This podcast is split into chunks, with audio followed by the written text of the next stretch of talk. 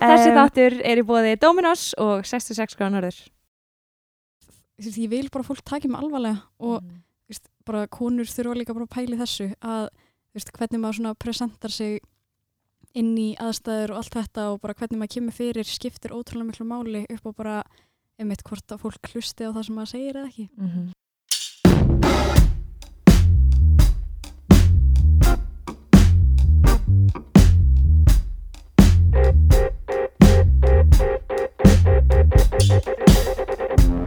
Verið velkomin í þáttinn þegar ég er stór. Ég er Vakan Jálsóttir Og ég heiti Valrún Magnúsdóttir.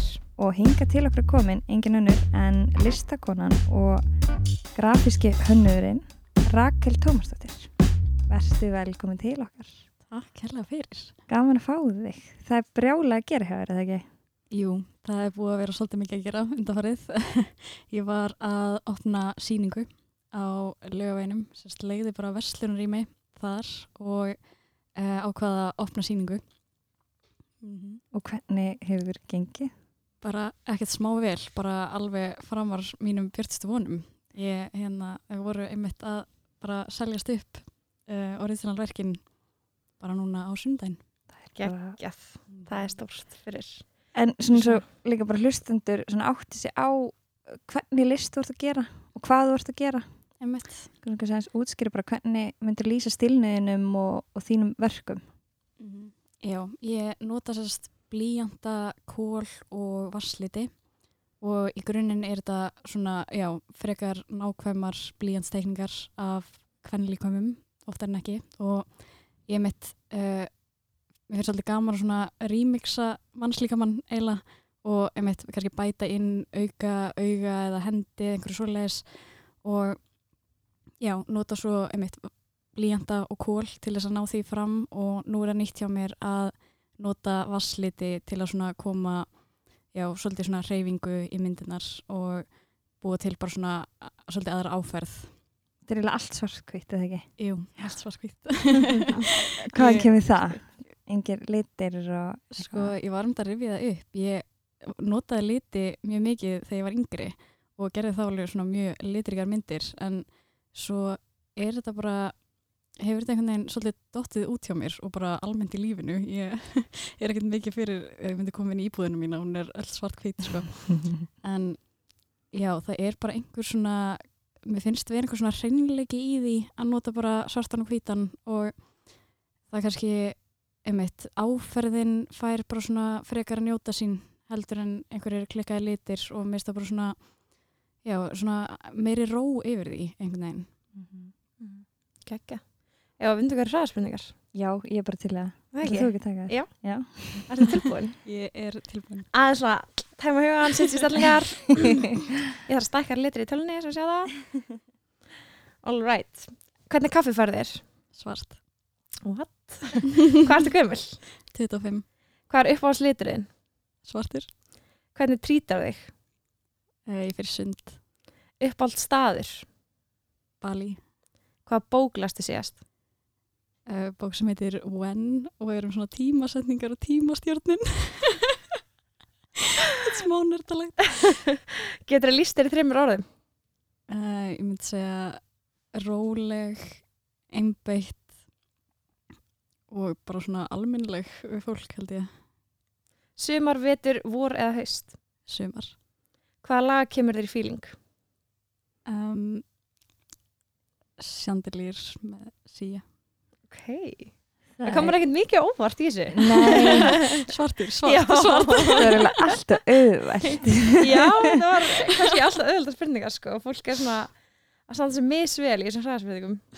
Tekur þér eitthvað sumafrí, eða þú veist, í sumar? Ertu með, um, Já, eða sko lí- lífið mitt er einhvern veginn þannig núna að þú veist að ég finn svo lítinn mun á frí og vinnu. Þetta einhvern veginn blandast bara svolítið allt saman og en jú, nú er ég náttúrulega get ég sagt að ég hafi verið að vinna mjög mikið að þessar sýningu, mér líður samt aldrei eins og þessi vinna en jú, ég ætla nú alveg að, að ég þarf eiginlega bara helst að komast upp í sumabústað og fá að sleppa ég að tala við neitt og fá smá introverta tíma sko. Mhm. og einmitt, það er kannski smá Instagram pásu, það væri fínt það verður svolítið mikið stundum. Skil vel. En hvað vildur þau verða þegar þú verið stór? Já, ég sko mann eftir ég held ég það allra fyrsta sem ég langaði að verða þegar ég var kannski svona fjár ára eitthvað þá ætlaði ég sko að vera söngkona Vá. ég er mjög glöð að ég reyndi ekki fyrir mjög því en það var samt mjög snemma sem að mér langaði að vera arkitekt og pappi átti svona teikniborð með svona reglustrygum og eitthvað þannig að já við vorum að leika okkur að teikna sko einhverja prinsessu kastala í svona mjög dítilegum arkitektateikningum. Um, já, fyrir ekki að fyndið að pæli í dag en mér fannst það mjög gaman og ég mitt að skipulega einhver herbergi og eitthvað. En og ég mitt var líka mjög mikið að leika mér í Lego og svo leiðis þannig að arkitekt var svona til að byrja með. Eitthvað sem ég ætlaði mér. En uh, svo já, þegar ég kannski bara svona 13-14 ára að þá er mitt er ég byrjað að leika mér í Photoshop og, og sko að mitt skanna inn teikningar og breyta þeim í tölvu og svo les. Ég var svo mikil nörd, ég var sko einmitt, ég var bara í fimmleikum og svo var ég bara að leika mér í Photoshop. Og, þú veist, já, maður var einhvern veginn ekkert, mér fannst ekkert spennandi að vera eitthvað að stila til að drekka eða, þú veist, vera eitthvað að gera eitthvað af mér, sko, það var bara já, fimmleikar og, og leika mér í tölvunni, sko. Svo svolítið svona mikil ægi í þér greinilega. Já, algjörlega, ég held ég líka bara í einhvern veginn það er rauninni bæði kostur og ekki að því að það er alveg hægt að fara overboard í því. En ég gera það svo mikið að bara svona taka mér eitthvað eitt fyrir hendur og fara bara all in. Og ég næ bara einhvern veginn að svona blokka bara restina heiminum út einhvern veginn. Það er alveg, veist, ég gerði það rosalega mikið sérstaklega með fimmleikan á tímubili þar sem að ég hugsaði bara um fimmleika og bara ekkert annað í lífinu veginn komst að sko Bara fyrir eitthvað svona són, bara mm -hmm. blakkar út, já. um, En hver er þín fyrsta minning?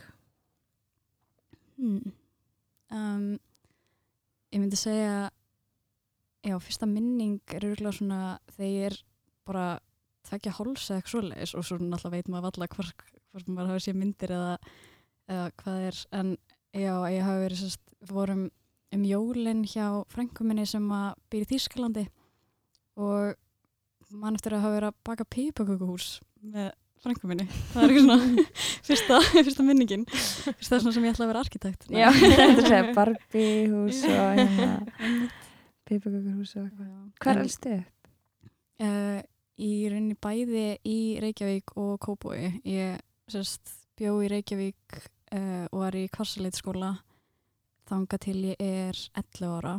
Og þá flytjum við í Kópóin og við flytjum ekkert bara í Kópavói við flytjum alveg lengst upp í Kópavói bara í salakverfið uh, þannig ég fer í salaskóla og er þar þá í sjötta til tíunda bekk. Og hvernig barn varstu? um, ég var uh, rosa þæg bara, ég einhvern veginn Kemur geðvikt og aldrei ekki skada. Já, ég var einhvern veginn einmitt bara rosa þægilegt barn held ég. Ég var rosa róleg og um, ég hef einhvern veginn, já, sem barn leti rosa lítið fyrir mig fara. En ég hef aldrei verið eitthvað rosalega æst í aðtegli og hérna, og svo er litli bróður minn sko, er, var aðteglisjúkasta barn alheimsins. Og það er einmitt til vídeo um, mamma var að finna til einhver gömul vídeo okkur um daginn þar sem hún er eitthvað að segja eitthvað, Rakel, vilt ekki fara í handarhlaup hérna fyrir myndaðilina eða standa höndum og eitthvað? Og ég bara eitthvað, æ, vilt ekki bara taka upp torfa núna? Og þá var hann bara tilbúinn bara tata með eitthvað söngatriði og þannig að hann fekk bara svona svolítið að, að njóta hérna aðteglinar og ég bara svona, já einhvern veginn, en mér fannst þetta alltaf ótrúlega mikilvægt að standa mig vel, sko. Ég, mér gekk rosa vel í skóla og, og bara hef alltaf verið rosa dugleg var rosa dugleg sem krakki, sko Og hva, hver voru áhámálinn þarna? Varstu byrjuð í fimmleikum? Já, ég byrjaði sex ára í fimmleikum og það var alveg bara áhuga mál nummer 1, 2 og 3 og þú veist, jú, ég var alltaf að teikna, alltaf á hliðalínu einhvern veginn, ég bara svona og ég með þegar þú spyrir, þú veist, hvað ætlar að verða þú veist, hann stór, ég sko ætlaði aldrei að verða listakona eiginlega af því að ég bara vissi ekki að það væri hægt að vinna við það það er einhvern veginn ég veist, ég kem ekki úr einhverju svona listamann fjölskyldu eða eitthvað svoleiðis og það var einhvern veginn sem bann fekk ég ekki droslega mikla fræðslu um bara list sem yfir höfuð þannig að ég einhvern veginn einmitt bara vissi ekki að það væri hægt sko, en það einmitt var klálega áhugamál, ég var að teikna endalust og var alveg freka góð í því sem bann sko. En um eitt fimmleikarnir bara svona þú veist, æskan mín svolítið einkennist bara af fimmleikum það er alveg Hún talar Já. svona um listina kannski svolítið svona kannski að því hún er ekki praktísk eða eitthvað þannig, heldur að koma einhvern veginn þaðan Já, algjörlega. Ég hef alltaf verið svona frekar praktísk í hugsun og hérna valdi náttúrulega örgulega praktískasta listnámið, uh, grafíska hönnun til að læra en jú, örgulega sko, en svo, svo fyndum þegar maður hugst tilbaka og það er samt einmitt orðin rosalega stór hluti af vinnunum minn núna og ég kannski nálgast líka myndlist bara út frá svolítið svona praktískum ég veit ekki frá, frá svona, já, nálgast myndlist frá svona praktískri hugsun svolítið. Ég, veist, það fyrsta sem ég geri þegar ég ákvaða þannig að þetta í huga að halda þessa sýningu núna er bara að búa til Excel-skjál. bara ok, hvað þarf hérna, hver mynd að kosta og hvað þarf ég gera margar og allt þetta til þess að þetta gangi upp, sko. Og hérna, ég held að ef maður hefur svona þá hugsun að þá getur maður algjör að láta þetta ganga þó svo þetta sé ekkit eitthvað það allra auðveldasta.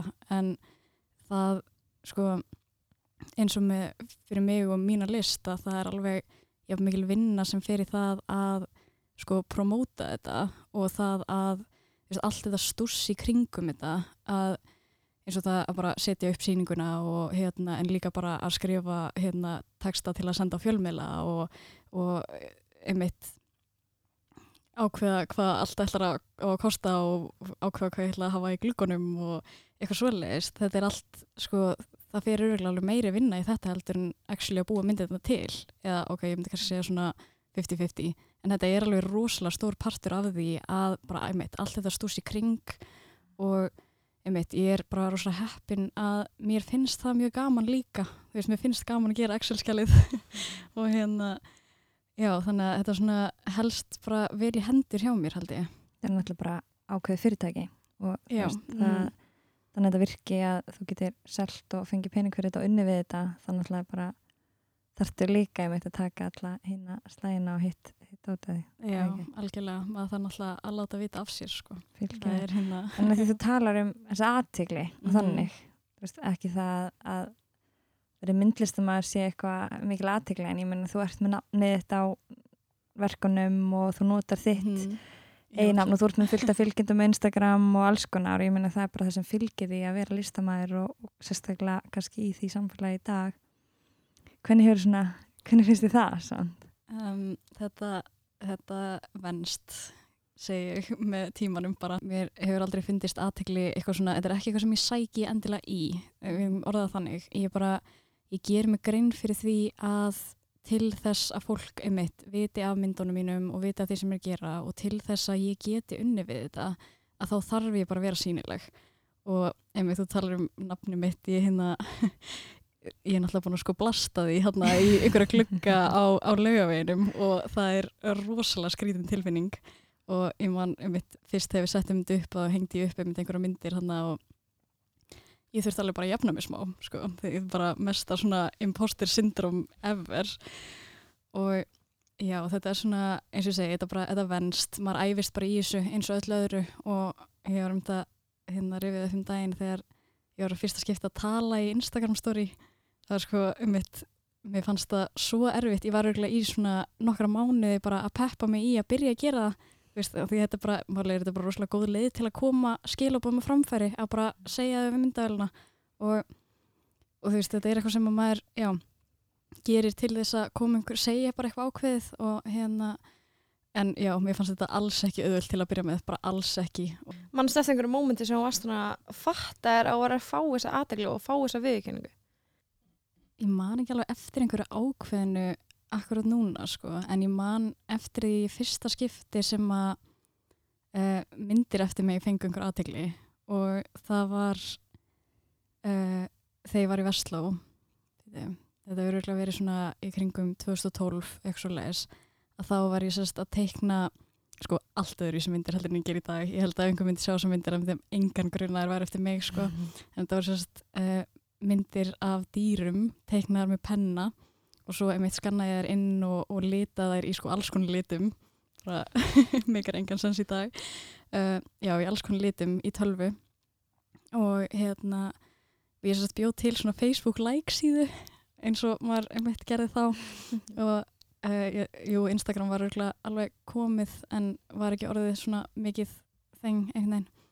Og já, setja sérst myndina mínar þar inn og þar voru pikkaðar upp á trendnet og hérna Erna Hrind sem var á trendnet þá skrifaði sérst um þær og allt í hennu fekk ég mitt bara fullt að lækum á þessa læksíðu og, og allt í hennu voru fólk að senda mér skilabóð og einmitt vilja kaupa myndir og eitthvað og ég var bara eitthvað, wow, hvað hva er í gangi hér?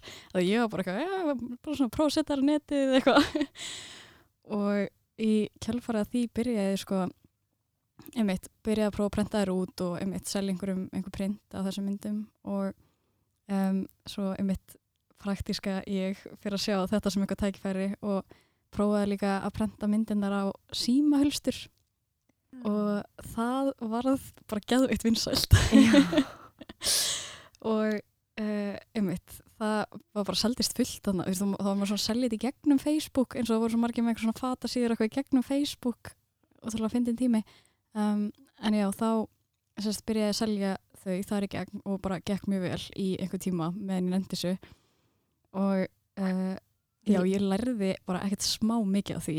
Þú veist, bara bæði með þú veist það að verðleggja hluti og taka inn, allt inn í dæmið einhvern veginn, þú veist, vita hvað þarf að gerast bara frá byrjun til enda, þú veist, að búa eitthvað til þú veist, prentaða út eða láta fr- framleiða, þú veist sendingatími, þú veist alls konar svona dæmi sko. Og einmitt það að afhenda vörur líka og bara, það er óslega margt í þessu ferli sem að maður, og þarna læriði ég það allt saman bara á því að prófa mig áfram sem því það að þegar ég síðan byrja að selja myndina mínar þannig að, já hvað, fimm árum setna eða eitthvað, ég byrjaði að selja þær 2007 nei 17, fyrir ekki byrjaði að selja þær 2017 uh, að þá uh, vissi ég bara hvernig allt þetta gekk fyrir sig, þannig að þetta var rosa góð reynsla sko. Varstu bara að googlaði áfram eða var einhver sem að vera aðstæði með þetta? um, ég var rosa mikið, ég vildi rosa mikið gera þetta sjálf sko. Og ég hef alltaf verið rosa sjálfstæð og það er kannski einmitt maður þarf alveg stundum að læra að byggja um hjálp. Mér finnst það mjög erfitt. En já, ég vildi rosalega mikið einmitt gera þetta bara sjálf og um, ég einmitt var bara rosalega duglega að fylgjast með því hvað aðrir voru að gera. Það byrjaði einmitt þannig að jú, ok, ég setti þannig inn og svo man ég eftir að hafa veist, keift mér einhvern tímann einhverja skó eða eitthvað í gegnum Facebook og þá er bara, eitthvað, já ok, byrjuð, svona virkar þegar fólk selur í gegnum Facebook og eitthvað svo leiðis þannig að einmitt, ég var bara rosalega dugleg að bara einmitt fylgjast með, fylgjast með hvað aðrir voru að gera líka bara á samfélagsmiðlum. Að að hérna, það er bara mögnuð leið til þess að auglýsa hluti og hérna já, þannig ég var bara svona rosalega dugleg að spotta allt í kringum mig og bara hvað aðrir að gera og ég hef svona tamið mig það bara í gegnum tíðina að sjá bara hvað get ég lært úr öllum aðstæðum. Það er bara rosalega mikilvægt að alltaf taka allt, þú veist, ég er með lista núna bara læra af þessari síningu sem ég er bara að skrifa, bara hvað ég ætla að muna næst. Og hérna og það er, já, bara eitthvað, eitthvað sem ég taf mér og er rosalega glöð að ég er svona horfi á hlutina þannig En þetta var þegar þú varst í Vestló, þannig að þú ferð Mhm. beint í Vestló. Akkur er fórst í Vestló? Það er eiginlega mjög góð spurning sko.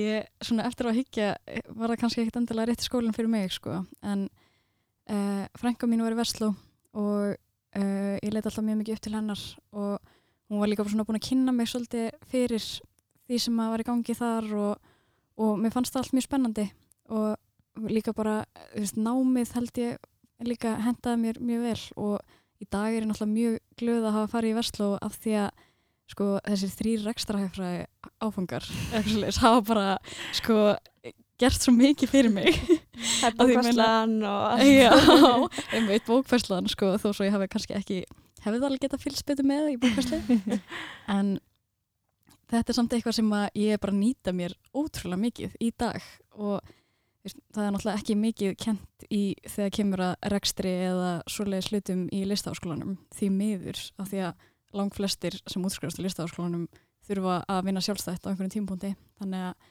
uh, ég er mjög glöð að hafa þennan viðskipta bakgrunn úr Vestló að því hann hefur bara nýst mér ótrúlega vel. Og já en Vestló var svona jú, mér fannst það mjög gaman sko sérstaklega senst árið um, þá var ég í Viljanum nefndinni. Ég er mér þess að, ég laf datt bara inn í það óvart af því að þau sérst heyrði í mér og upp á að setja blaði upp af því að vissi að ég kynni að hérna, já, svona setja upp hluti í tölvu les og það var akkurat einhver strákur sem að hætti í skólanum sem að var í nefndinni. Og þannig að það var löst pláss í nefndinni þannig að ég einhvern veginn bara svona hoppa inn í það. Og það var ótrúlega gaman og lærði mjög mikið á því að bara einmitt búa til svona tímaritt og já, svo einmitt var ég komin inn líka eitthvað að gera einhver leikmynd fyrir Nemo og veist, það var svona, já, mjög skemmtlegt á senasta árinu. En einhvern veginn svona fram að því hafði þetta bara verið einmitt, var einhvern veginn, var ekkert að mæta á bölla að maður bara að fara að keppa í fimmleikum og já, þetta var Það svona, svona átti svolítið hvað segir Fimmleikan er átti svolítið hugðin. Já, algjörlega, sérstaklega hann að milli sko já, bara svolítið í Vestló svolítið þanga til hann að alveg á senast árinu að það var mitt voru fimmleikar bara það eina sem ég pældi í og ég mitt, já, Varst að setja, settið þú viljan upp í, þegar þú varst í nefndinni? Já. Það er náttúrulega alveg fyrir eitthvað stort sko. Eða þú veist, þannig séð, það er alveg, það er ekki allir sem geta það. Varstu þá að byrja, veist, var, varstu kunnur það þá eða varstu bara að læra það þá?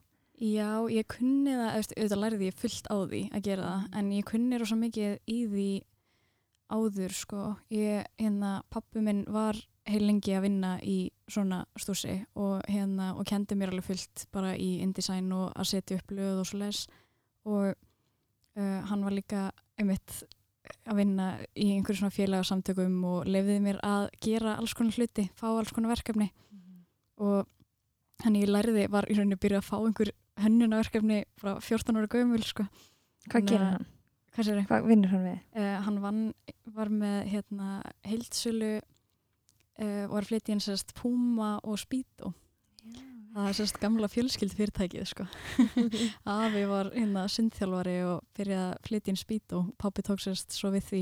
Ég vorum þetta að tala með hann, við vorum þannig á busar. Og maður heyrði nafnið svolítið mikið, ég man allan mjög Mhm. mikið eftir því og ég var kannski líka bara að pæla mikið í viljanum og, og þessu. Og hérna, og þú varst svolítið svona, ég veit ekki hvort þú varst svolítið fljótt svona smá nafn við, sko sem sko grafískur hönnur, þetta bara kemur mér svo mikið óvart af því ég bara gerði í því í Veslu og láta lítið fyrir mig fara sko. en Veist, ég, það var alveg bara ég, ég hugsaði tilbaka og einmitt, ok, kannski sérstaklega þetta hefur örugglega verið þarna senast árið þegar ég Já. var að byrja í viljanum og oksulegis að einmitt fram að því var ég bara ég sko, mér leið illa ef að ég man eftir mómenti ykkur með góður. Þar sem ég mætti í skóm sem vorum svolítið hörðum hæl og ég var að lappa í tölvistofuna eða eitthvað þannig ég var að lappa einhvern veginn í, á, fram hjá marmarnum Mhm. og það heyrðist ógæslega mikið í skónum það mínum náttúrulega líka bara heyrist ógeðslega mikið í Já. bara saman skóðast í það er ekki fram með neinum sko. Nei, og ég sko, mér fannst þetta svo óþægilegt að heyrði þessi skónum mínum ég bara, og ég byrjaði svona að lappa svona á tánum og svo er ég eitthvað að byrja, ó nei, þetta er er eitthvað, og þetta er bara eitthvað sem mér fannst óþægilegt, bara að heyrðist í mér lappa, þú veist, ég var bara þar og hérna, þannig að þetta kemur mjög mikið óvart að, um en þetta er endilega bara líka tenging við sko það þú varst, bara uh, að skapa og þú veist, í Mhm. þessi Já. grafík og þannig en þú fer beint úr Vestló hvar Já. stendur þið svolítið eftir Vestló? Hvað er eftir? Sko, einmitt, eftir Versló að þá um, er ég ennþá í fimmlegum ótrúlegt en satt og uh, var ekki tilbúin til að hætta strax uh, og þar á leiðandi og ég mér langaði heldur ekki að eitthvað svona taka mig pásu af því þetta stóð svolítið, ég vissi alveg ég ætlaði að fara í grafsku hönnun, það var alveg lungu ákveðið sko. Hvenær kom það? um, það bara held ég áðurinn að byrjaði í Vestló líka við, Já, ok. þetta var bara einhvern veginn eh, svolítið planið frá því ég var einmitt bara 14 ára sko. og uh, já, þannig að eftir Vestló einmitt er ég ennþá í fimmlegum, vissi að ég ætlaði að læra grafsku hönnun, var einhvern veginn ekki tilbúin að taka mér einmitt ári pásu eða eitthvað svoleiðis og klára fimmlegana og fara síðan eitthvað út í skóla eitthvað svoleiðis, heldur langum bara svolítið að klára þessa gráðu að því mér langaði bara að byrja að vinna. Mm. um, en mér langaði samt að fara í háskólanám og, og læra þetta svona almennilega. Þannig að já, ég sérst sæki um í listaháskólan ég mér svo sótti um í listaháskólan áður en ég útskrifast úr Vestló ég Ok. sótti um árið áður og hérna og komst í viðtal og komst ekki inn líka náttúrulega ekki búið með stúðinspróf en það er samt ekki krafa í listaháskólan en Ætlar það bara að hætta í Vestló og Já, byrja já, bara strax? ég ætlaði bara að kickstarta Drífa þessu sko. Já. Hvað fíla það? Mhm. en ég er mjög samt glöð að ég komst ekki inn þá af því ég var alls ekki tilbúin í það og aðeins fleiri ekstra hennar ekstra frá En varstu þá að þú veist byrja að sapna strax í möppu bara Já, Já. algjörlega, en ég er, samt, málega, ég er mjög glöð að ég hafi sátt um af því að ég komst í viðtal og þetta var mjög erfitt viðtal og ég var algjör mús og þau voru ókslega leðileg, alls ekki leðileg, þau voru bara hörð. Og voru alveg að segja mér hvað var ég að því sem ég var í möppinu minni. Og ég hafði rosalega gott af því að því að veist, ég var náttúrulega rosalega ung þannig að allir voru bara wow, hvað, hvað er flott sem þú ert að gera. Því að var enginn beint að búast við neina af mér. En þarna bara, voru bara setta kröfur. Þannig að þau komum með alls konar komment og voru líka einmitt að segja mér hvað ég get gert betur. Og það nýtti ég mér bara full on í það að gera síðan möppuna fyrir árið eftir, já, þegar ég síðan sæki um beint eftir Vestló að og þá var ég bara með einmitt strax miklu betri möppu og, og mu- mun tilbúnari í það að fara í þetta nám. Þannig að það var alveg bara mjög fínt að hafa prófað að sækjum fyrst og, og komast, einmitt, komast ekki inn og einmitt, svo bara gekk þetta mjög vel ára eftir. hvernig tekuru gaggrinni? Hvernig, Sko, mér langar að segja í takinu vel en það er svona ég held að ég geri ég held, ég er alveg svolítið hrættu við gaggarinni, sko, það er alveg þannig og mér finnst það ekki þægilegt en auðvitað hefur maður alltaf rosa góða reynslu úr fimmleikunum í því að maður er alltaf að heyra bara út að gera þetta betur, út að gera þetta betur, allt þannig. En og ég held að ég gera það rosalega mikið að ég, ég gaggrinni sjálfa mig mjög mikið. Ég er mjög svona hörð við sjálfa mig þannig ég er yfirleitt að sko reyna að gaggrina sjálfa mig eins mikið og ég get áður en og laga það áður en einhver annar fær tækifæri til þess. Það er í rauninni og ég veit ekki hversu heilbrygt það svo hugsun er en, en það er samt svolítið þannig að ég er einhvern veginn reyni alltaf að bara tjekka af allt sem getur farið úrskeiðis og bara laga það einmitt áður en ég einhver Fær- annar já. fær tækifæri til að sjá það sko. líka bara svo erfitt með listnámið mitt því að þú ert kannski með mismunandi kennara sem komur Mhm. frá mismunandi sjónarhóðnum og með allt þar að póla á, á listinu þína einmitt og einhvern veginn þessi mikið kunst að taka henni og einmitt ekki breyta henni nákvæmlega eftir því sem þeir segja kannski eða, Já, og þú veist að heyra allar þessar mismunandi röttur og svo er þú kannski líka með einhver alltaf rött í hausnum á Mm. þér og, og einhvern veginn Algjörlega. að mixa það saman og samt halda sterk í bara, já, fólk samt er að fíla það sem ég er að gera eða Mhm. eitthvað, sko. Að- já, ok, þessar, ég er eiginlega bara búin að reyna að blokka út þessar yfirferðir í listaháskólanum, sko. Það var alveg ekkert, ekkert rosalega auðvelt, sko. Þau eru alveg ekkert að skafa af hlutunum þar og ég, einmitt, maður hefur náttúrulega bara rosalega gott að því að, þú veist, heyra allt sem að, einmitt, beitum að fara og allt þannig, þú veist, stundum svona, maður þarf auðvitað að muna það sérstaklega í, í þegar kemur bara listum yfir höfuð að þetta er rosalega huglagt og já, maður svona þarf ekki að taka öllu sem kennararnir segja sem endilega alveg heilugum hlut þó sem að þurfi þetta að einmitt taka það inn og allt svo leis en þetta var einmitt rosa mikil harka í þessu námi þegar ég lítið baka og ég man eftir að eiginlega besta hrós sem ég fekk frá einum kennara var, við vorum áttum að setja upp hérna bók svona, þetta var svona mjög tæknilega æfing að bara gera texta fallegan í rauninni. Og hún var að fletti gegnum verkefni mitt og tók hana svo ótrúlega langan tíma að finna eitthvað sem var að og það var bara og ég sat hann og ég var alltaf gladur og gladari af því sem tók hana lengri tími að bara reyna að finna og svo fann hún eitthvað pínulítið sem var að. Og ég var bara, vá þetta er bara besta hrós sem ég hef fengið. Af því að það, einmitt, þetta var svo rosalega erfitt fyrir hann að finna það sem var að. Mm. En eins og í dag, þú veist, færði mikla gaggrinni og hvaðan kemur hún þá? um, sko ég fæ ekki mikla gaggrinni svona beint í andlitið sko, bara alls ekki. Og uh, en fólk eru örgulega alveg að tala eitthvað, ég bara veit ekki af því og ég væri alveg til í að heyra meiri gaggrinni sko. Mm. ok, ég segist ekki vilja heyra það. Ég er alveg að ljúa því ég segi það. En ég held að það sé samt gott að fá gaggrinni, það er Mm. það klárlega. Og hérna um, þú veist kannski gaggrinni sem ég fekk svolítið í listaháskólanum var uh, að ég væri svona kannski svolítið kommersial eða þannig og þú veist ég er það náttúrulega alveg í flestu sem ég geri. Að hérna ég er ekkert eitthvað mest arti típa sem þú finnur heldur og þetta er svona svolítið, mér finnst alveg gaman að gera hluti sem að fólk fílar. Ég er ekkert endilega alltaf að reyna sjokkara fólk eitthvað svoleiðis og hérna ég veist, mér finnst bara rosalega gaman að gera hlut sem eru fallegir. Þannig að það er kannski svona eitthvað sem að, ég veit ekki, fólk er að gaggrina eða ég veit ekki.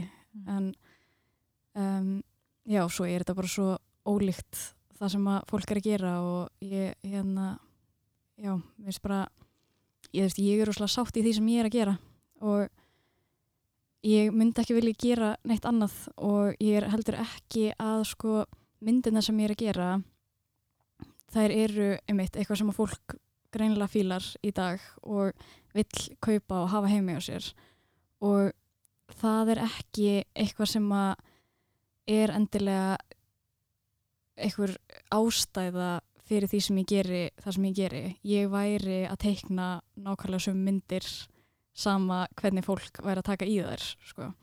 og hérna og ég passa mig alveg í því að uh, gera ekki, vera ekki að teikna út frá því sem að öðrum finnst heldur bara að teikna út frá sjálfur mér. Og ég passa mig um þetta alveg að því að það er auðvitað frekar auðvelt að detta í það þegar einhver ein mynd selst ótrúlega vel veist, af hverju ekki að gera bara fullt af fleiri þannig myndum það er svo meira trend og þannig Já. en ég er alveg mjög meðvitið um að fara ekki þangað og hérna, veist, ég reynir freka bara að einmitt uh, selja það sem að ég hef í rauninni, mm. ég ger myndirnar út frá mér og svo ger ég það besta til þess og svo ger ég mitt besta til þess að koma þeim á framfæri og sína fólki þær og láta þær svolítið make a sense uh, í bara heimilið fólki. Veist, að sína þær einmitt á heimilum í römmum, allt svoleiðis og veist, þetta er veist, það var einmitt eins og sagði við mig um daginn að ég væri ótrúlega heppin að gera list og sorry já það var einhverjum daginn sem að sagði við mig að ég væri mjög heppin að ég væri að gera list sem selst en málega er ég held að fólk áttir ekki alveg á því hvaða fyrir mikil vinna í það að selja þetta mm -hmm. það er alveg hellingsvinna og einmitt það að vera sínd á Instagram og koma svo framfæri er alveg rosalega stór hluti af þessu og rosalega mikil vinna og svo auðvitað myndirnar samt einmitt virka auðvitað á heimilum og það er rosalega jákvæmt Slíkar sem finnst þessi heppin af því að mm. Þú ert að gera þetta og þau er að kaupa þetta því þú ert að gera þetta.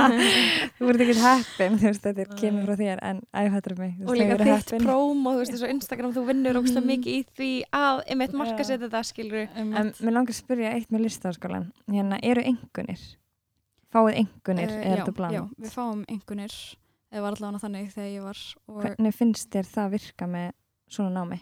Sko mér finnst það að ég veit það ekki alveg. Ég einhvern veginn pælti eiginlega ekki neitt í einhvernum þegar ég var í listaskólanum ég, uh, þú veist, og kannski væri það eitthvað sem að væri pæli að því ég einhvern veginn sá ekki einhvern svakalega tilgang í því að fara í master í grafskra hönnun allavega. Og þannig ég einhvern veginn var ekkert að velta fyrir mér einhvernum og eins og sérstaklega með lokaverkefni mitt að þá veist, vildi ég bara, ok, ég ætla bara að gera eitthvað sem ég, þú veist, síningin er á, hérna, í Hafnarhúsinu. Og ég var bara, ok, ég er að fara að vera á síningu í Hafnarhúsinu. Ég ætla að standa þarna og vera stolt af því sem að ég gerði og vera ána með það sem ég gerði. Mér er alveg saman hvað ég fæði einhvern veist, að, og hérna, að ég veit ekki auðvitað er þetta huglægt á svo rosalega margan hátt en það eru auðvitað samt það er alveg gæði og ekki gæði veist, og það er alveg skali á því og það er alveg hægt að uh, meta það og veist, það er alveg til eitthvað sem er góð grafísk konun og slæm grafísk konun það er alveg, það er alveg til sko og, og bara mjög mikið um bæði mm -hmm. bara, Algjörlega, þess að það er kannski meira um eitt þessi gaggrinni sem að tala um að mm -hmm. þú veist mhm. fáið mitt bara að gera þetta betur og þetta feedback sem er mikilvægt Getur þú sagt okkur frá lokaverkunniðinu í hérna listaskólinu? Já Ég hérna hannaði letur og uh, þetta byrjaði rauninni þannig að uh, ég var sérst uh, byrjaði í starfsnámi hjá tímaritinu Glamour á öðru ári í listafskólanum og það var einmitt eitthvað sem ég fór ólinn í líka. Hvernig gerist það? Það var bara sendt út auglýsing á hérna listaháskólan og ég bara sótt um að vera starfsnámi hjá þessu tímræti og vissi eiginlega ekkert út í hvað ég var að fara sko. um, nema ég, já, ég googlaði sérst stelpuna sem var þá yfir hönnur sem ég væri sérst að fara að læra af, ég veist ekkert hvað hún var fyrir. Um, og hún er bara, hún er svo ótrúlega flott. Hún er að gera klikkaða hluti og var búin að gera alls konar þú veist, vinna fyrir alls konar stór merki út í New York á þessum tímubili og uh, er mitt í dag hérna artdirektor hjá Calvin Klein í New York. Hver er þetta? hún heitir Regina Rúsk. Þannig að ég var bara eitthvað heyrðu, þetta er bara klikka tækifæri fyrir mig. Og veist, ég þurfti ekkert að vera þarna. Þetta var basically þannig að ég bara fekk að elda hana og læra eins mikið við gæt af henni. Og hún er mitt henda á mig alls konar verkefnum og, og þetta var alveg hellingsvinna fyrir engan pening. Já, þetta var launalaust. Já, það var launalaust starfsnám, Mhm. já, en mér finnst það einmitt, þú veist, aldrei hefði ég fengið að komast þarna inn ef ég hefði ekki gert þetta. Mm. og ég endaði með því að vinna hjá Glamour uh, í fjögur ár og sérst er í um, byrjaðna í starfsnámi. Um, er í rauninni bara komin einhvern veginn svo mikið inn í þetta og farin að taka að mér svo mikið að verkefnum að þetta var bara þannig að þú veist, ef það vantaði eitthvað þá bara hoppaði ég í það það var bara þannig, ég var bara svo til og ég var bara all in og gerði bara allt sem að ég mátti gera og, hérna, og bauðst til þess að gera alls konar hluti líka og gerði mun meira heldur en ég þurfti.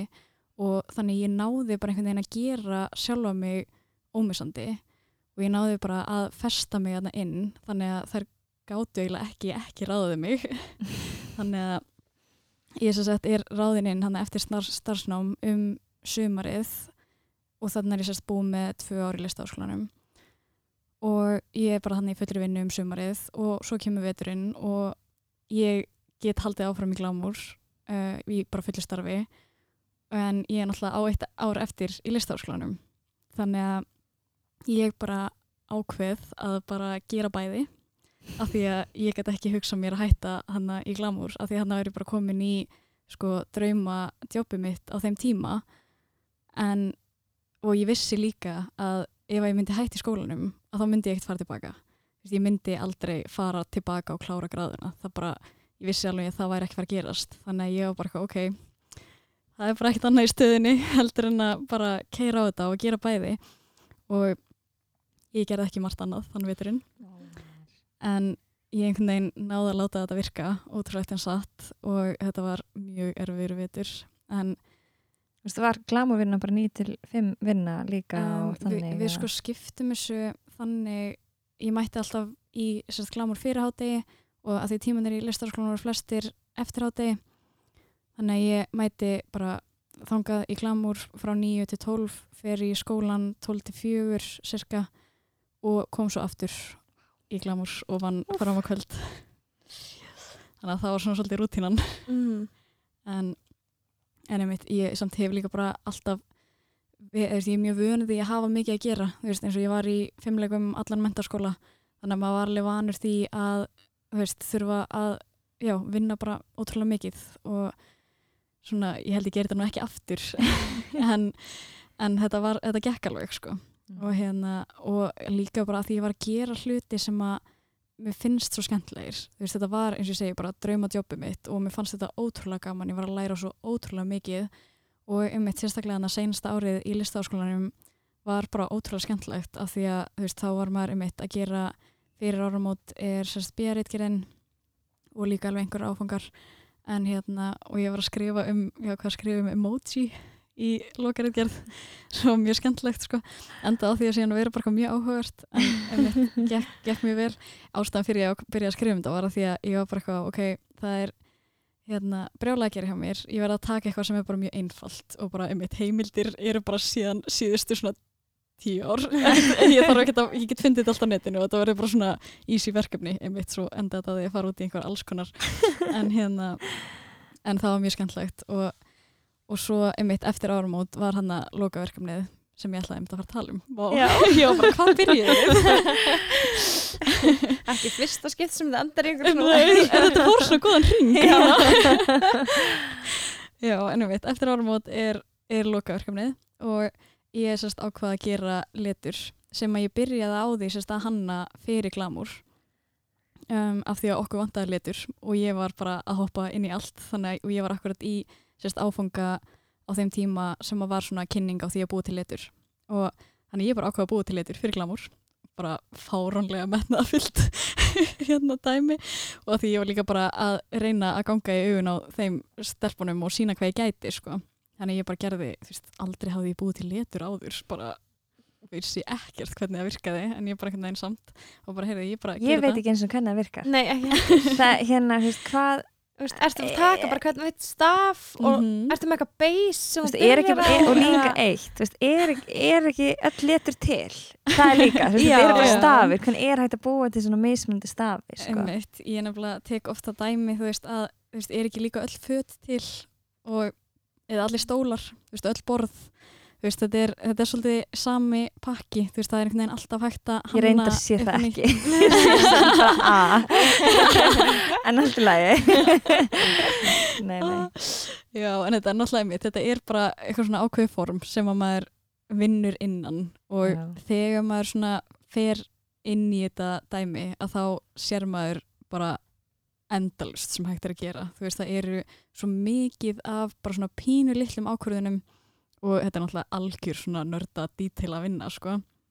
En mér finnst þetta rosalega gaman.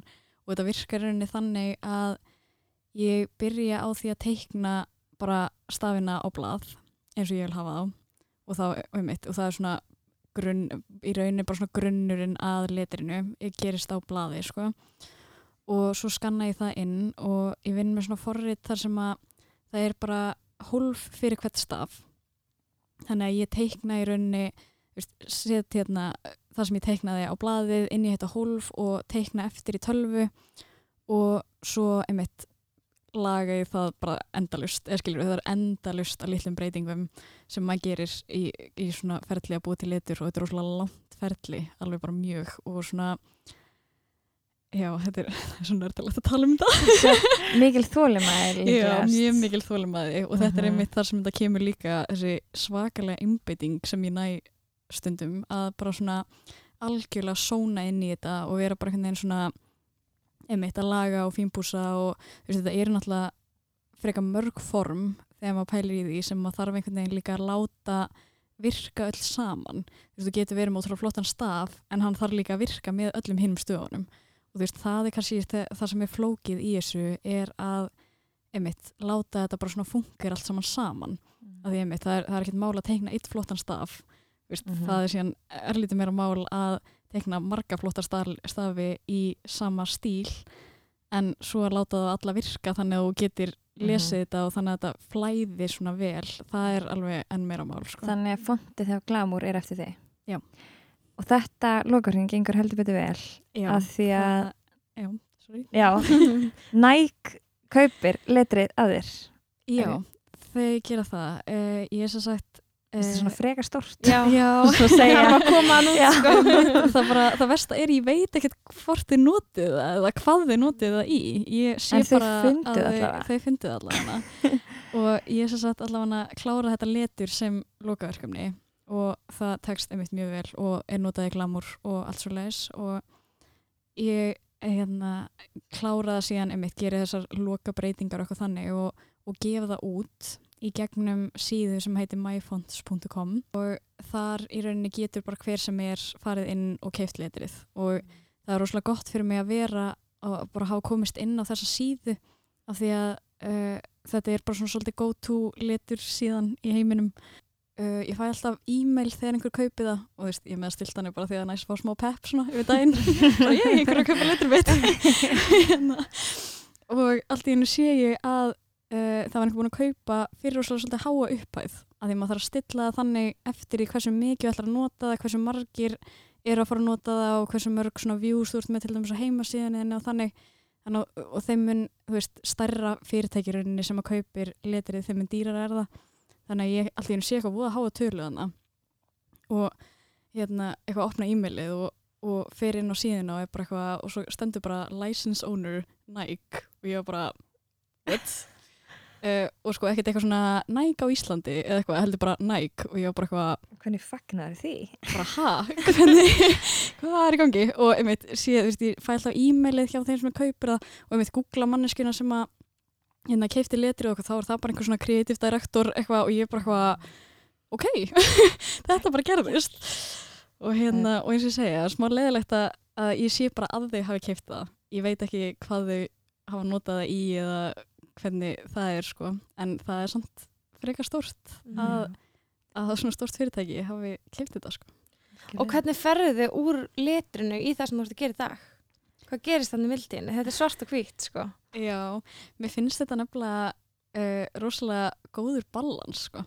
Ég nefnilega, einmitt, uh, mér finnst það rosalega næs að geta sko skiptir svo milli af því ég er alveg ennþá að hanna fleiri letur í dag og einmitt er búin að gefa eitt annað letur út fyrir akkurat árið síðan og já, mér finnst þetta mjög næs að geta skipta á milli af því að þegar maður er búin að klára eitt letur þú veist, þá er maður búin að vera inn í því marga vikur og þá er rosalega fínt að geta farið í eitthvað annað og þá er rosalega næs að geta bara farið ólinni í teikningar eða, já, og núna einmitt er ég mjög spennt að fara að byrja á næsta letri núna þegar ég er búin að vera svona rosalega mikið í teikningunum núna undir fattum mánuði, sko.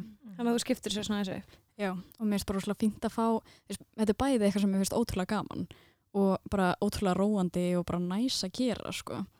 En einmitt, það er rosalega fínt að geta svona hópa á milli, bara til að fá fjölbreytni og tilbreytingu.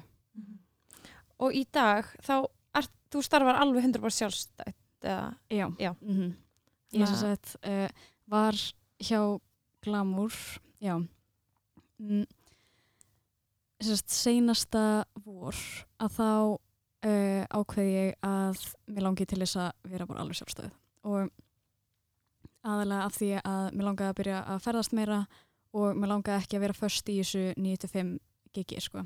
Bara, ég fann bara að það hendaði mér rosalega illa og veist, ég er alltaf með svo margt í gangi og mér fannst svo ótrúlega eitthvað glatað að þurfa að eyða öllum þessum tíma, mér fannst ég vera að eyða tíma í bara og mér fannst eins og ég var, vá. Þetta kemur. uh, mér leið bara eins og ég væri ekki að nýta tíma minn eins vel og ég gæti verið að gera það og glamúr var líka þannig svona vinna að það meikaði miklu meiri sens að taka þetta í svona törnum sem við vorum alltaf að gera veist, og þá bara einmitt var maður að vinna fram á kvöld þegar við vorum að skila og allt svoleiðis og þú veist, tók eitthvað frí á móti og svoleiðis en það var samt bara, mér fannst bara þægilega að hafa þetta þannig að það væri bara officially þannig að ég stjórnaði bara tímanum mínum. Og þannig að ég sérst byrjaði því að semja við Glamour um það að vera verktaki hjá þeim. Og uh, já, þegar ég er búin að ná þeim samningi sem var mjög erfitt og tók mjög mikið á að þá um, stopna ég fyrirtæki og bara í kringum öll þessi verkefni sem sagt uh, letri mín og teikningarna mínar og þá um mitt glamur og bara öll svona hönnunaverkefni sem ég teka mér. Og það var alveg mjög stort skref og rosalega skrítið að vera að stopna fyrirtæki bara mjög fullorðins og ég einhvern veginn já, bara fann mig góðan endurskoðanda sem betur fyrr og einmitt, byrja bara að gera þetta svona. Ég man um fyrst skipti hérna, sem að ég borgaði sjálfur mér laun. Það var rosalega skemmtilegt moment. Og hérna, og einmitt, fæ hérna notification í síman minn bara hérna greiðsla frá stúdíu Rakel Tómas. Og eitthvað, "Hmm, ok, þetta er svolítið skemmtilegt og hérna en já, en þá einmitt er ég bara officially þá orðin bara sjálfstæðstarfandi og sé bara alls ekki eftir því og mér þetta bara algjör draumur sko. bara það að geta stjórna tímanum mínum og unnið á þeim tímum sem mér hendar og ég líka veist, er að vinna mig þá átt að sko taka alltaf færri og færri verkefni fyrir aðra eða sem svona ég gera slatta hanna bækur mér finnst það mjög gaman og, og einmitt glamúr og, og einhver svona logo og svo leðist, þú veist, það eru verkefni sem ég vinn þá fyrir aðra en svo eins og teikningarnar og letrinn það er eitthvað svona sem ég vinn fyrir sjálfa mig. Og ég er alltaf að vinna í því að stækka þann hluta af því sem ég er að gera og einmitt minga hinn hlutan af því að til að byrja með var ég mitt bara að vinna verkefni, þú veist, setja bæklinga fyrir þennan og þennan og eitthvað svoleiðis. Og það sem er svo geggja við einmitt þessi verkefni sem maður gerir sjálfur er að maður bara stjórnar öllu. Og hérna ég geti verið smá kontrólfrík stundum. En hérna, en einmitt, þá bara svona getur maður einmitt líka bara aðlaga það að svolítið lífinu sínu. Af því ég geri það alveg að ég aðlaga, ég vinn rosalega mikið en ég aðlaga samt vinnuna mína að því sem ég langar að gera líka. Þú veist, mér langar að ferðast og mér langar að hitta vinkonum mínar og þú veist, mér langar að, þú veist, ég á mér alveg líf, sko. En ég bara raða svolítið vinnunni í kringum það og það er svolítið þægilegt að geta gert það. Og þú veist, eins og bara það að, hérna, ok, ég ætla að vísa í nördabókina sem ég var að lesa um tímasetningar. En þá er það bara eitthvað að, að þrýr af hverjum fjórum manneskjum eru bara að eiga einhvern svona low point í orku klukkan svona 2-3 á daginn ég veit ekki hvort það hafi upplegað einhvern tímann Mhm. að vera bara svona geðveitt þreyttur uh, svona um 2-3 leiti eitthvað slags Mhm. og þú veist, en það einhvern veginn meikar ekkert sens með 9-5 vinnu þá bara dagurinn hálnaður og, og fullt eftir að gera allt þannig en veist, en það sem að ég einhvern veginn næ til dæmis að gera er að veist, ég vinn rosalega mikið á mótnana þegar orkan er mest og svo hérna á þessum tímpunkti hérna með 2 og 3, þú veist, þá ef að dagurinn minn er þannig að ég geti bara stjórnað hann alveg, að þá bara fer ég sund á þeim tíma, tegum við pásu og fer svo aftur að vinna og kannski vinn alveg eitthvað fram á kvöld. En þú veist það er rosalega gott að geta bara svona aðlagað einhvern veginn vinnudaginn sinn að bara orkunni sinni og sko líka það þú veist nú er ég eins og þessi þessi, þessi lista vinna veist það er rosalega misjaft hvernig maður er upplæður og það kom alveg dagar þar sem ég fæ fullt af hugmyndum og einmitt dagar þar sem ég fæ ekki mikið hugmyndum og allt þannig og það er rosalega gott að þá hafa allan að frelsið til þess að geta þá bara farið all-in á þessum dögum sem að ég veist, er bara við fullt af innblæstri og allt þetta skilur og hérna og geta þá bara unnið fullt þá og svo kannski, einmitt, ef mér líður bara umjölega eitthvað þannig að geta þá bara haft örlítið rólegri dag og allt þannig, þú veist, maður getur svona svolítið stjórna þessu á þann hátt og mér finnst það bara því líkur luxus, sko. Já, þetta er útrúlega, útrúlega að vera komin þannan stað, svona Já. rétt að vera 26 ára bara alveg en með s- Mhm. all reyni. Sko, mér langar að spyrja um fyrst með tímastjórnabókina. Hvað bók er þetta? Sko, ég, þetta er bara einhver bók sem ég fann út á Bali, ég var bara í einhverju bókabúð, hún heit bara When og er eftir einhvern, einhvern Pink, Pink er Ok. eftirnafnið. Bara note it down. þetta er sko mjög, mjög nördalegt og hérna, en ég man sko að fyrsti svona, svona tímastjórnunar eitthvað vídeo sem ég horfði á var hérna bara breytti örgulega lífinu mínu, get ég örgulega sagt sko, af því að það var einmitt bara þetta með sko það bara einfalda í rauninni allt í kringu sig og hafa uh, færri staði þar sem að maður er að einhvern veginn geima hluti sem maður þarf að gera og veit, vera bara með eina skrifblokk. Veist, vera bara með samina öll e-mailin í eitt inbox og eitthvað svona veist, ótrúlega basic hlutir en skipta svona ótrúlega miklu máli og ég held að það hafi verið svona á þeim tímapunkti sem ég byrjaði svolítið að pæla í svona minimalisma. Og í rauninni átta mig ekkert endilega á því að þetta sé minimalismi. Þetta hefur verið svona í kringum 2014 eða eitthvað svoleiðis sem ég er eitthvað fyrst að byrja að pæla í þessu að bara svona einfalda allt einhvern veginn. Og einmitt kem þá inn í þetta út frá þessu tíma sjónarhóttni Mhm. af því að það er svo rosalega margt sem ég langar að gera og mér langar að hafa tíma fyrir þetta allt saman. Sem því það að þú veist það, þegar einhver segir við mig bara hei, þú getur að horta þennan kúrs og fengi, þú veist, tíu tíma ykkurlega í vikuna eina skilur þá er ég til að eyða hérna smá tími að horfa það ef að það er að fara að hjálpa mér eitthvað og þannig að þú veist, ég elska að nördast í tímastjórnin.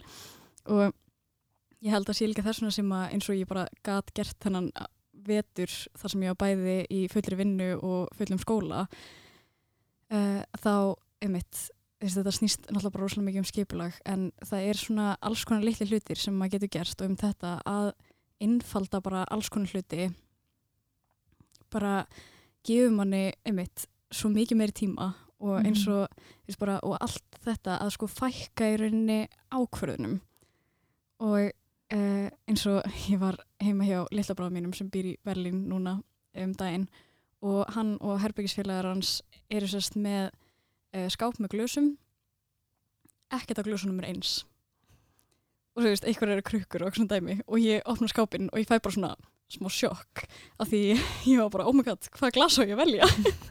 Veist, þetta er ótrúlega lítið dæmi en þarna eru samt, skilur við, tvær sekundur þar sem ég þarf að ákveða hvaða glas ég ætla að nota. Uh -huh. Þú veist, eins og ég segi, þetta er ótrúlega lítið dæmi en þú veist, eins og heim, þú veist, öll glösi mín er eins heima og öll föti mín liggur við þeir eins. Þannig að þú veist, ég er bara hérna eina að fækka ákvörðunum og fæk, minka þann tíma sem fer í það að taka ákvörðunir sem að skipta ekki það miklu máli.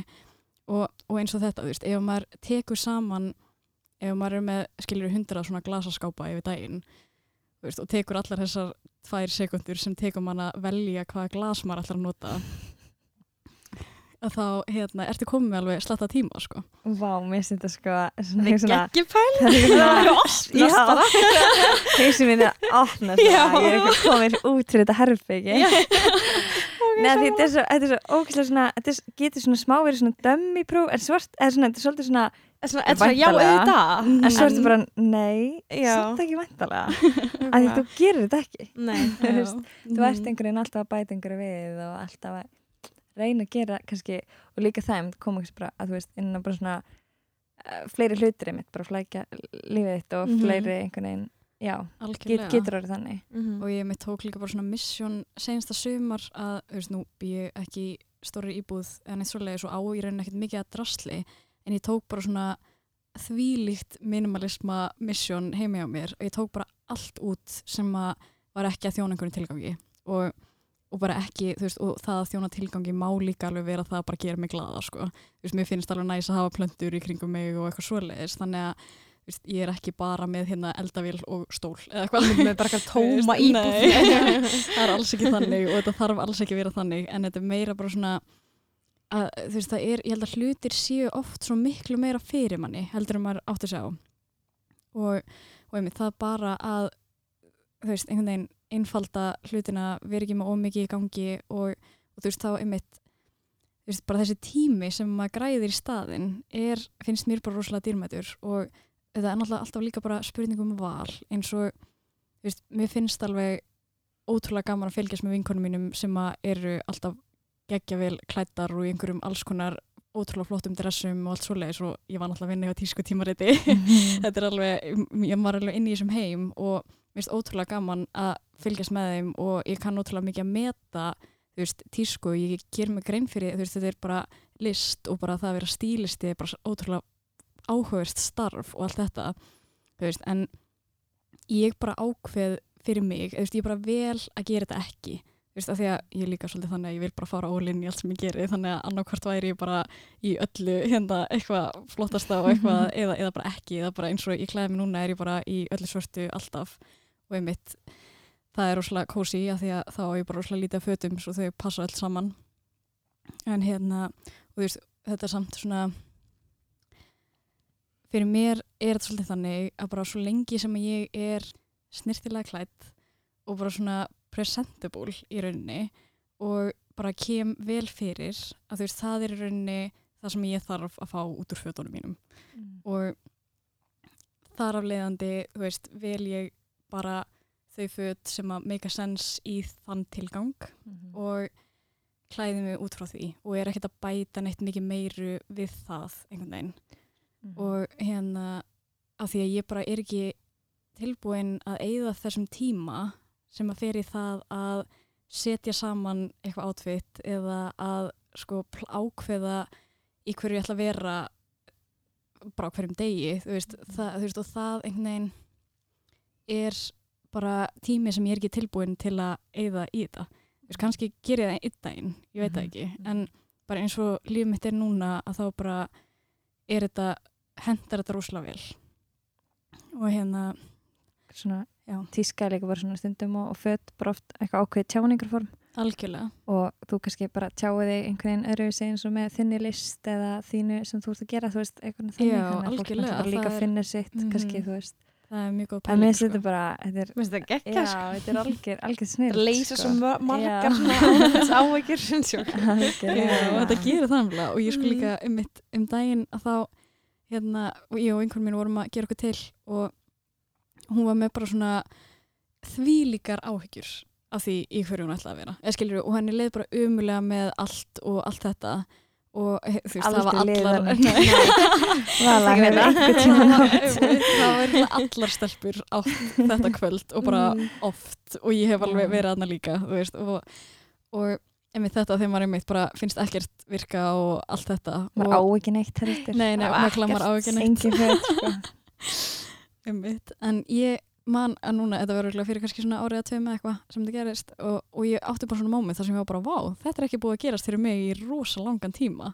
Og ég held að það sé bara af því ég bara komið með bara svona mjög þú veist, rosalega svona takmarkaður stíl auðvitað og hérna En samt þinn stíl. en samt minn stíl, nákvæmlega og ég kaup mig bara föt sem ég líður 100% vel í Mhm. og ég líka nota þá öll föti mín ótrúlega mikið Mhm. og, hérna, og ef það er eitthvað pínlítið sem mér finnst óþægilegt að þá bara sleppi því alltaf Það er alveg hérna Æ, þú veist, að því að mann líka bara ég held að þetta skiptir líka bara ótrúlega miklu máli upp á það að bara þegar maður er að koma einhver staðar inn veist, það er líka eitthvað sem ég pælar ótrúlega mikið í er bara svona þetta first impression og allt þetta.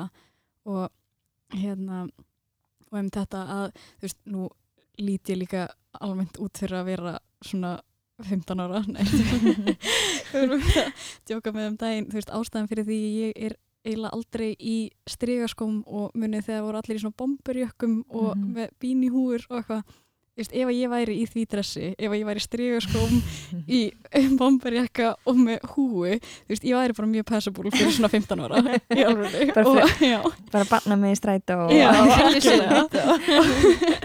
þannig að þú veist, það er líka eitthvað sem ég hef alltaf gert er að reyna að klæða mig þannig ég lúki erliði eldri og Já. þú veist, að því að þú veist, ég vil bara að fólk taki mig alvarlega og Mhm. þú veist, bara konur þurfa líka bara að pæli þessu að þú veist, hvernig maður svona presentar sig inn í aðstæður og allt þetta og bara hvernig maður kemur fyrir skiptir ótrúlega miklu máli upp á bara einmitt hvort að fólk hlusti á það sem maður segir eða ekki Mhm.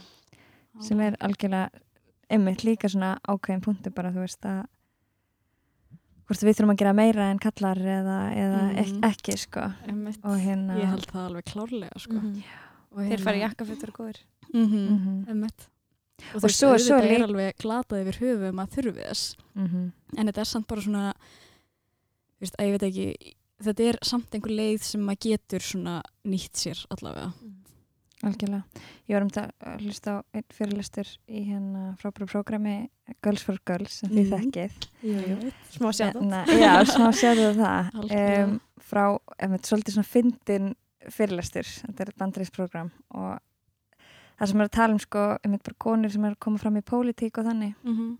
og hann tala fyrst um hérna einmitt svona bara hvað hvað það er mikilvægt að hérna sko, fyrst er hvað er mikilvægt að vera þú sjálfur Mhm. og bara þetta alltaf að vera þú sjálfur getur aldrei verið, þú veist feik eða, eða komið bara það er mikilvægst öllu og svo talar hann um sko hérna að passa sér samt að hérna klæða sér ekki of mikið eða vera ekki of mikið eða vera Mhm. ekki sko of hérna miklum þú veist glamur fötum eða þú veist segjum myndu komið í skergulri draktinn og með fullta make-upi og glingri og alls konar, þú veist, það væri samt ekki leið sko Mhm. og maður bara svona, já, en hvað ef ég ef ég er hún, Já. Hva, hvað þá? Þetta er svo ótrúlega mikið svona controversial dæmi sko, með þetta sko. Líka frá Og- bandar, þetta er prófessor frá Harvard sko, sem er að kenna þetta þar. Þú veist, Þetta er umslega fyndi. og þú veist, hann veit bara ekki betur veist, hann fattar bara ekki alveg pointið sitt út, út að enda sko, hann, hann er Mhm. að segja og Hann byrjar vel, það, sko. eins og þú segir skilur að bara first impression og koma Mhm. koma vel inn og allt þetta en hérna, já, þetta er svona ákveðin hluti sem á pæli Mhm. og sem er mitt bara er ótrúlega mikilvægt að bara að standa með því sem maður er og, og einmitt svo lengi sem maður kemur vel fram og allt þetta Mhm. en leifa sér að vera nákvæmlega sem maður vill vera sko. algjörlega sko. En áttu einhverja fyrirmynd veist, um, sem að tengist veist, stilnunum eða, eða tekningum eða... um, sko ég held ég bara svona reyni nú er ég mjög heppin að hafa fengið að vinna nú er ég mjög heppin að fengið að vinna með rosalega mörgum rosalega flottum konum og sem ég hef kynst þá aðalega gegnum glamur og ég held að ég bara svona einmitt eins og ég talaði um áðan er bara svona pikka út einhvern veginn allt sem ég get lært. Þannig að veist, ég held mér svolítið erfitt að segja kannski einhverja eina ákveðna fyrirmynd en mér finnst það svolítið gaman að einmitt kynnast fyrirmyndunum mínum og, og sjá hvernig er hugsa þú veist og þá einmitt eins og ég get nefnt hérna Reginu sem ég var að vinna hjá og bara læriði ótrúlega mikið af og uh, sumulegis uh, Silja Magg, ljósmyndari hún var einmitt líka í Glamour teiminu og ég var búin að læra svo fáralega mikið af henni og hérna Katrín Alda sem er með hann að kalda skómerkið uh, hún bara, þú veist ótrúlega flotta konur og hérna líka Andrea Magnús veist, það eru enginn af þeim, jú, náttúrulega er að gera svipa hluti þannig að séð, en samt einhvern veginn ekki. Hún er meira í svona auglýsingum og þannig þannig að enginn af þeim er beint að gera nákvæmlega sama hlut og ég er að gera. En það er bara svona eitthvað við þetta hugafar og þetta líka verið að gera eitthvað sjálfur. Þú veist, eins og hérna Kata er bara að byggja upp svo klikka flott merki. Þú veist, þetta er bara hennar, hennar brand, hennar skór, þú veist, hennar hönnun. Og það er magnað að fylgjast með henni og bara, og einmitt, læra svona hennar hugafar gagvartisöllu og, og það er bara alveg ómetalegt sko. Þú erum að fá hana Já. Já, algjörlega, bara hún er alveg geggjuð sko. Þegar þú ert að vinna hugmyndum og að þinni leist Mhm. saman hvort það sé eitthvað þannig hvernig, á hvað hvað ertu í hvað aðstæðum og hvernig svona kemur þér í þetta hvernig byrjar þau? Um, já, góð spurning. Ég, sko, mér finnst, ég er alls ekki þannig að ég eitthvað svona sitja og býð eftir innblástri. Það er bara, gengur ekki. ég veist, ég þarf yfirleitt bara að byrja og þá svolítið svona komast hlunnir á stað og hérna, uh, ég fæ yfirleitt mitt hugmyndir á því að bara gera hluti, ég ger eina mynd, fæ hugmynda þreymur öðrum, skilur og þannig bara svona rúlar þetta einhvern veginn og um, ég er svolítið svona meðvitað að reyna að hugsa ekki of mikið af hverju ég bý til myndina sem að ég bý til á þeim tíma. Ég reyna bara að gera nákvæmlega þá mynd sem mér langar til að gera algjörlega án þess að spyrja sjálf mig að því endilega af hverju og einmitt leifa bara svona svolítið undir meðutundinni að svona stjórna því hvað endilega endar á blaðinu uh, og svo einmitt oft fattar maður það eftir á hvað þetta tengist bara beint inn í eitthvað sem er í gangi í lífinum hans það er ótrúlega fyndið, stundum er það bara svona mjög augljóst og ég er bara wow, ok. En alls ekki alltaf. En það er samt, já ég held að vefjast stundum bara fyrir manni ef maður er eitthvað, já, ég ætla hérna að gera verk um nákvæmlega þetta veginn. En hérna, en annars þú veist það hvernig ég vinn þær er að ég einmitt safna saman fullt af ljósmyndum og bý til í rauninni svona klippumynd áður en ég og nú byrja sem að já, ég bý til klippumynd sem ég nota síðan sem fyrirmynd af teikningunni bara til þess að svona fá þessa mynd uppbyggingu og það einhvern veginn á hreint. Og uh, mér finnst það svolítið skemmtilegt að þið tengið svolítið inn í hérna þessi sérst emoji rítgerð þessi bíja rítgerð mín uh, fór sér sagt rosalega mikið út í líkamstjáningu. Og mér finnst líkamstjáning og það hvernig við sko tjáum okkur með bæði líkamannum og svipriðum sérstaklega er rosalega áhugavert finnst mér af því að einmitt, það orðin sem við veljum að nota er, ekkit, er bara rosalega lítið hluti af því sem að við actually segjum. Og um, segi hérna með því að reyfa hundur Já. og enginn sér. Nákvæmlega sem enginn sér. Og um, tónnin líka skiptir máli.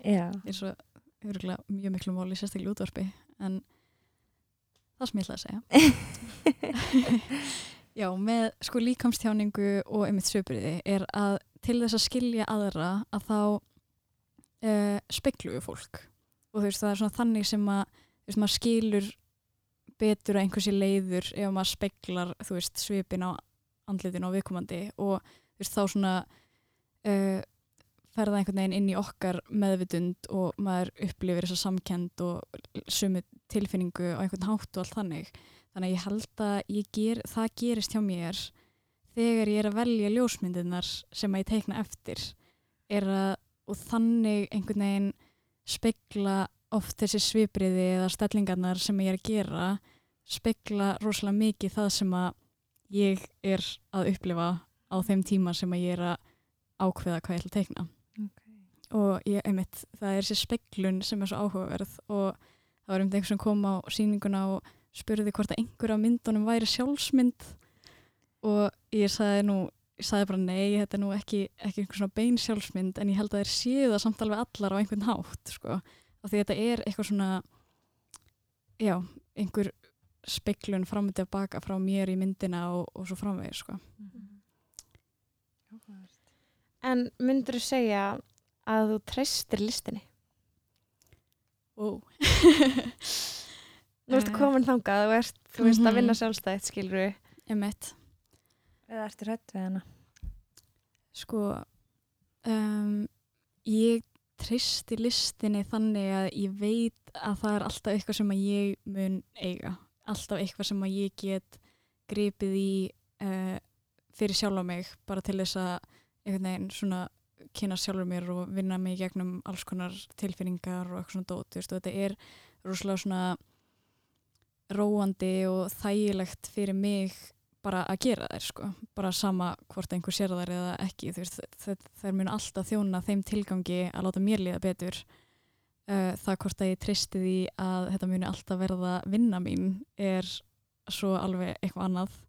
Ég meina það gæti alveg komið kreppa og þú veist, þá er fólk ekkert endilega það fyrsta sem það kaupir ekkert endilega list sko, þannig að þú veist, það er alls konar svoleið sem að er alltaf lægi að vera með um og það er svona bara rosalega gott að nýta þetta sérstaklega meðan þetta gengur svona vel og einmitt bara njóta þess á meðan af því að svo veit maður ekkert hvað gerist. Þú veist, auðvitað mun ég alveg halda áfram að gera mitt besta til þess að þetta haldi áfram að ganga vel og einmitt að þetta sé eitthvað sem ég muni geta lifað á en einmitt, maður veit aldrei sko maður þarf alveg að vera tilbúin í allt Virkilega.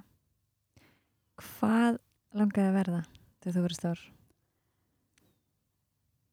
ég ætla aldrei að verða stór Það er geggja svar. Já, Sko, Það er ekki að ég vinn eiginlega við það bara að líta og teikna stafi. ég þarf aldrei að mæti vinnuna, mér langar til þess. Nei, hérna, þetta er svolítið þannig, sko, já, ég, ég ætla aldrei að verða stór í því svona þessari stereotypísku hugmyndum það að verða stór, þú veist, það að verða fullorðin og, þú veist, um mitt, þess, það er oft sem að einmitt svo svona ímynd er þessi einmitt 9-5 vinna þú veist, vera alltaf hérna tilbúin, veit ekki, með kvöldmat eða eitthvað, ég veit það ekki, eða þú veist, hvað er svona sem maður hugsa um þegar maður er stór, af hverju vilja krakkar ekki vera stórir það er ekki það að mér langar alveg að vera stór þegar ég var lítil. En Já. já, ég veit ekki, en þú veist, svona kannski framtíðar plönin að þá ætla ég bara svolítið að vera tilbúin í allt sem er í bóði þú veist, það sem að mér langar að vera þegar hún stór núna er bara að vinna full time sem listamæður og, og vonandi að geta gert það á einhverjum starri vettfangi þú veist, ég get alveg nú bara skella í setningunum bara ég ætla að vera alþjóðlega þekkti listamæður bara ekkert lítið statement en Nei. En málega er líka samt að ég ætlaði líka alveg að verða hérna yfir hönnur hjá Vogue einhvern tíman, á einhvern tímapunkti, mér langar það ekkert í dag. En þannig að ég er líka alveg tilbúin í að breytist og ég ætla alls ekki að bara eitthvað svona negla niður einhverja hugmynd sem að ég síðan vil ekki breyta út af af því ég er bara eitthvað búin að kommitta í það það er svona Algjörlega. bara að vera opinn fyrir því sem að geti gerst og um eitt heimurinn svo fljótur að breytast sko. Bara takk fyrir komuna, takk fyrir spjallið.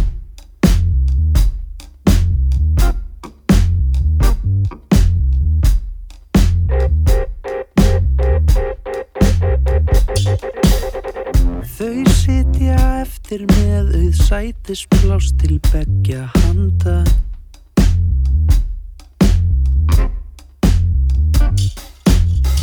Dreipandi sitt á hvað á drikkjunum sem eftir standa. Alveg sjálfsagt ekki að minnast á Láttu vaða Leistu skjóðu frá. Ég segi engum Svo krifjast hjartans mál Og einhvers andadýr er panda.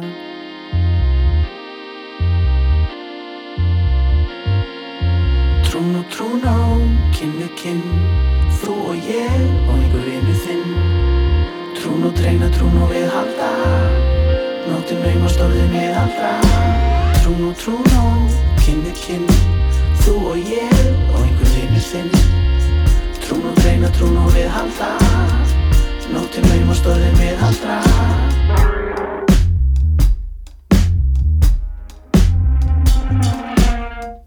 Og við svo krumpuð bæð og breytt því það er langt um liðið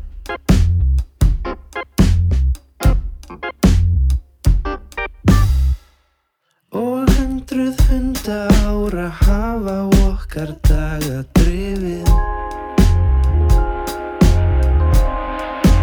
Alveg sjálfsagt ekki að minnast á Láttu vaða, leistu skjóðu frá. Ég segi engum Trún og trún á, kynni kinn Þú og ég og einhver einu þinn Trún og dreina, trún og viðhalda Nóttin naumast orðið miðaldra Trún og trún á, kynni kinn. Þú og ég og einhver einu þinn. Trún og dreina, trún og viðhalda Nóttin naumast orðið miðaldra Hann ber af sér blag frá makanum takast á hvort skuli saka um. Þau takast á hvort skuli saka um. Þakið sem rakar í rakanum. En ég makaði á það frá og tilbaka ha Vert ekki hengjandi smið fyrir bakara Bakara,